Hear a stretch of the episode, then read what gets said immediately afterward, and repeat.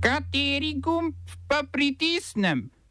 Tisti, na katerem piše OF. Bitcoin v Salvadorju stopil v veljavo kot plačilno sredstvo.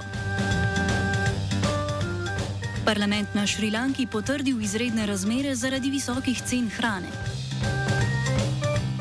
Odstop šestih ministrov in poglabljanje politične krize v Romuniji. Direktorja STA in Ukoma Veselinovič in Urbanija pri predsedniku Pahorju. V Salvadorju je stopil v veljavo tako imenovani lej Bitcoin, ki tej kriptovaluti podeljuje status zakonitega plačilnega sredstva. Bitcoin bodo začeli kot veljavno valuto spremljati vsi deli gospodarstva, v katerih bo to mogoče, uveljavitev novega plačilnega sredstva pa spodbuja tudi salvadorska vlada. Ta je vsem, ki so si na elektronske naprave naložili vladno digitalno denarnico, podelila 30 dolarjev. Vlada je ob tem po državi namestila 200 avtomatov, ki bodo omogočali menjavo dolarjev v bitcoine. Prebivalci Salvadorja so do sprememb zadržani, njihov dvom pa je največkrat povezan z nihanjem vrednosti digitalne valute. Vrednost bitcoina trenutno dosega dobrih 51 tisoč dolarjev oziroma slabih 43 tisoč evrov, medtem ko je še junija dosegala le 30 tisoč dolarjev.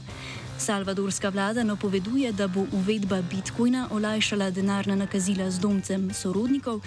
Z domcev sorodnikom v Salvadorju. Ta so namreč ključna za gospodarstvo te srednjeameriške države.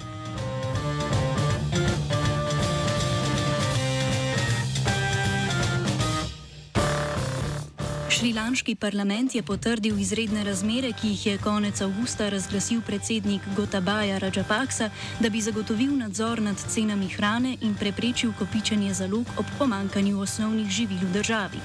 Izredne razmere pa ob tem dajo oblasti, oblasti v roke tudi številna druga pooblastila. Med drugim ji omogočajo zasego premoženja, pridržanje ljudi, preiskavo zasebnih objektov in suspendiranje veljavnih zakonov. Opozicija meni, da tako drastični ukrepi niso potrebni, saj je zadržanje osnovnih živil in dobrin mogoče že s prejetjem potrebne zakonodaje v parlamentu, ob tem pa izraža bojazen, da bi utegnile oblasti ukrep izkoristiti za utišanje nezadovoljstva in kritik na svoj račun. Vladajoča stranka je v 225-članskem parlamentu v podporo izrednim razmeram ob absolutni večini zbrala 132 glasov, svoje strinjanje s predsednikovimi ukrepi pa je utemeljevala s tem, da drugi prijemi v obliki navedenih navadnih zakonov niso pomagali pri spoprijemanju s pomankanjem. V zadnjih mesecih se je na Šrilanki sicer, se na Šrilanki sicer srečujejo s pomankanjem sladkorja, mleka v prahu in zemljskega plina za gospodinsko uporabo. Vzrok za pomankanje naj bi bilo kopičenje zalog, glavni razlog za visoke cene hrane pa je predvsem kombinacija upada prihodkov v turizmu in zadolženost, zaradi katere je vrednost domače valute močno upadla, uvoz hrane pa se je posledično zelo podražil.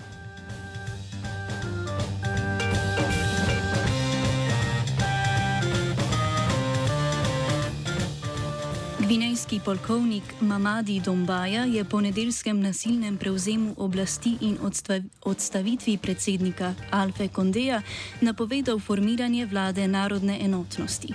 Kondeja so počisti ob državnem udaru pridržali. Medtem ko, ko se Konde še vedno nahaja v priporu, pa Dombaja nekdanjim ministrom in državnim uradnikom zagotavlja, da jih ne bo preganjal. Voditelj Puča, sicer vodja vojaške specialne enote, namerava tranzicijo začeti s političnim dogovorom o načinu prehoda oblasti, na to pa vzpostaviti prehodno vlado narodne enotnosti, ki bo izpeljala prehod. Podjetje v Gvineji, ki velja za vodilno globalno dobaviteljico boksita, iz katerega se pridobiva aluminij, je pozval k nadaljevanju poslovanja in zagotovil, da bodo izuzeta iz policijske ure, ki je bila uvedena po vsej državi. Prav tako naj bi bile k malu. Prav tako naj bi bile k malu ponovno odprte zračne in kopenske meje. Glede predsednika Kondeja je Dombaja zagotovil le to, da je na varnem. Združeni narodi, Afriška unija in Zahodnoafriška ekonomska skupnost so državni udar medtem obsodili in pozvali k povrnitvi civilne oblasti.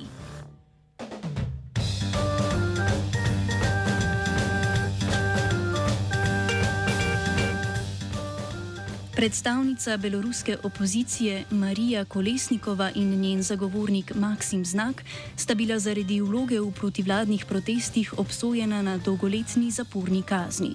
Sodišče je Kolesnikovi in Znaku namenilo 11 oziroma 10 let zapora in sicer zaradi več kaznjivih dejanj, med drugim zaradi načrtovanja prevzema oblasti, terorizma in ogrožanja nacionalne varnosti. Po mnenju toživstva sta se obsojena disidenta priključila posebnemu opozicijskemu svetu, ki je nameraval izvesti državni udar.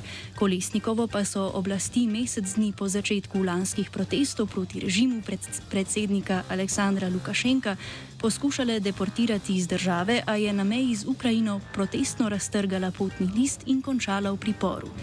Na sodbo so se odzvale države Evropske unije z Nemčijo na čelu in jo označile za politično, režim v Minsku pa vnovič pozvale k izpustitvi političnih zapornikov, vključno z včeraj obsojenima. Po ocenah Bruslja je zaradi nasprotovanja Lukašenku, ki se je v proteste prelevilo po njegovi sporni zmagi na lanskih predsedniških volitvah, za zapahi 650 beloruskih oporičnikov.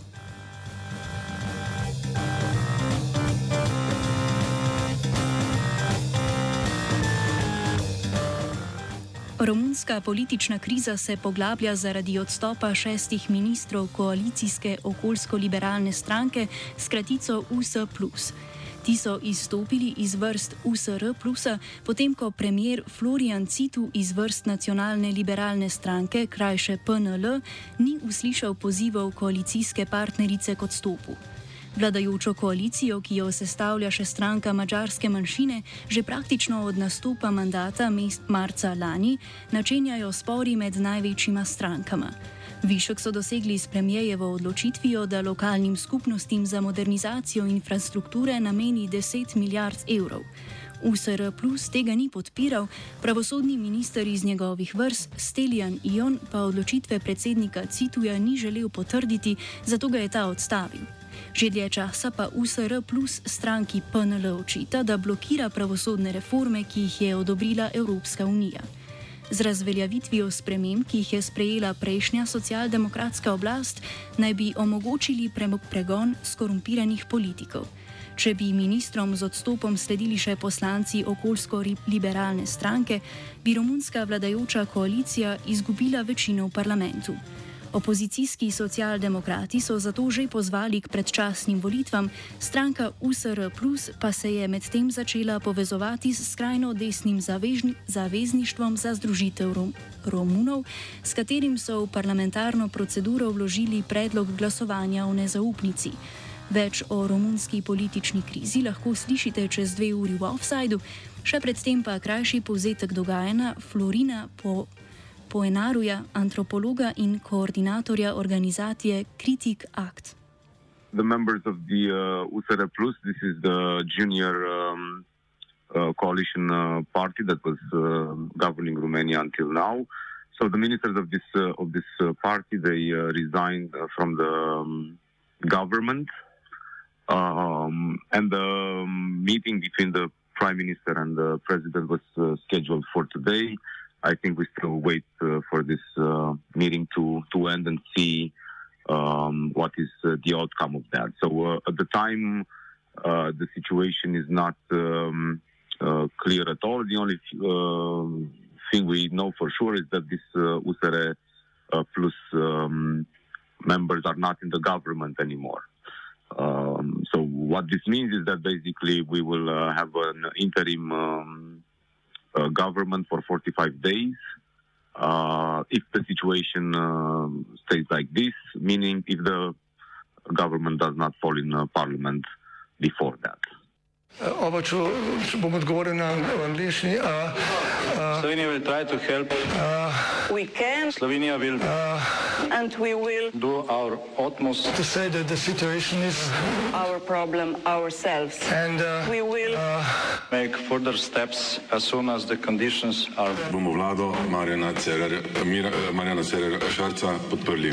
Very, very serious. News from Slovenia. We know how and we will. Po mesecih vladnega privijanja slovenske tiskovne agencije z neizplačilom zakonsko predpisanih sredstev sta se direktorja agencije in vladnega urada za komuniciranje Bojan Veselinovič in Uroš Urbanija udeležila srečanja pri predsedniku Borutu Pahorju. Po njem je medijator Pahor sporočil, da se dialog nadaljuje, obe strani pa naj bi se zauzeli za pogajanja glede pogodbe o opravljanju javne službe STA in izrazili pričakovanje njenega čimprejšnjega podpisa. Njen nova pogodba naj bi temeljila na tisti, ki jo je vlada predlagala junija, pa jo STA, kot je po srečanju dejal Veselinovič, zaradi takrat veljavne uredbe ni mogla podpisati. V pogajanjih naj bi tako vodstvi STA in UKOMA rešili odprta vprašanja v že predlagani pogodbi, o vsebini pogodbe, ki jo razdvaja, pa Veselinovič in Urbanija nista želela konkretno govoriti. OF je pripravil Marcin.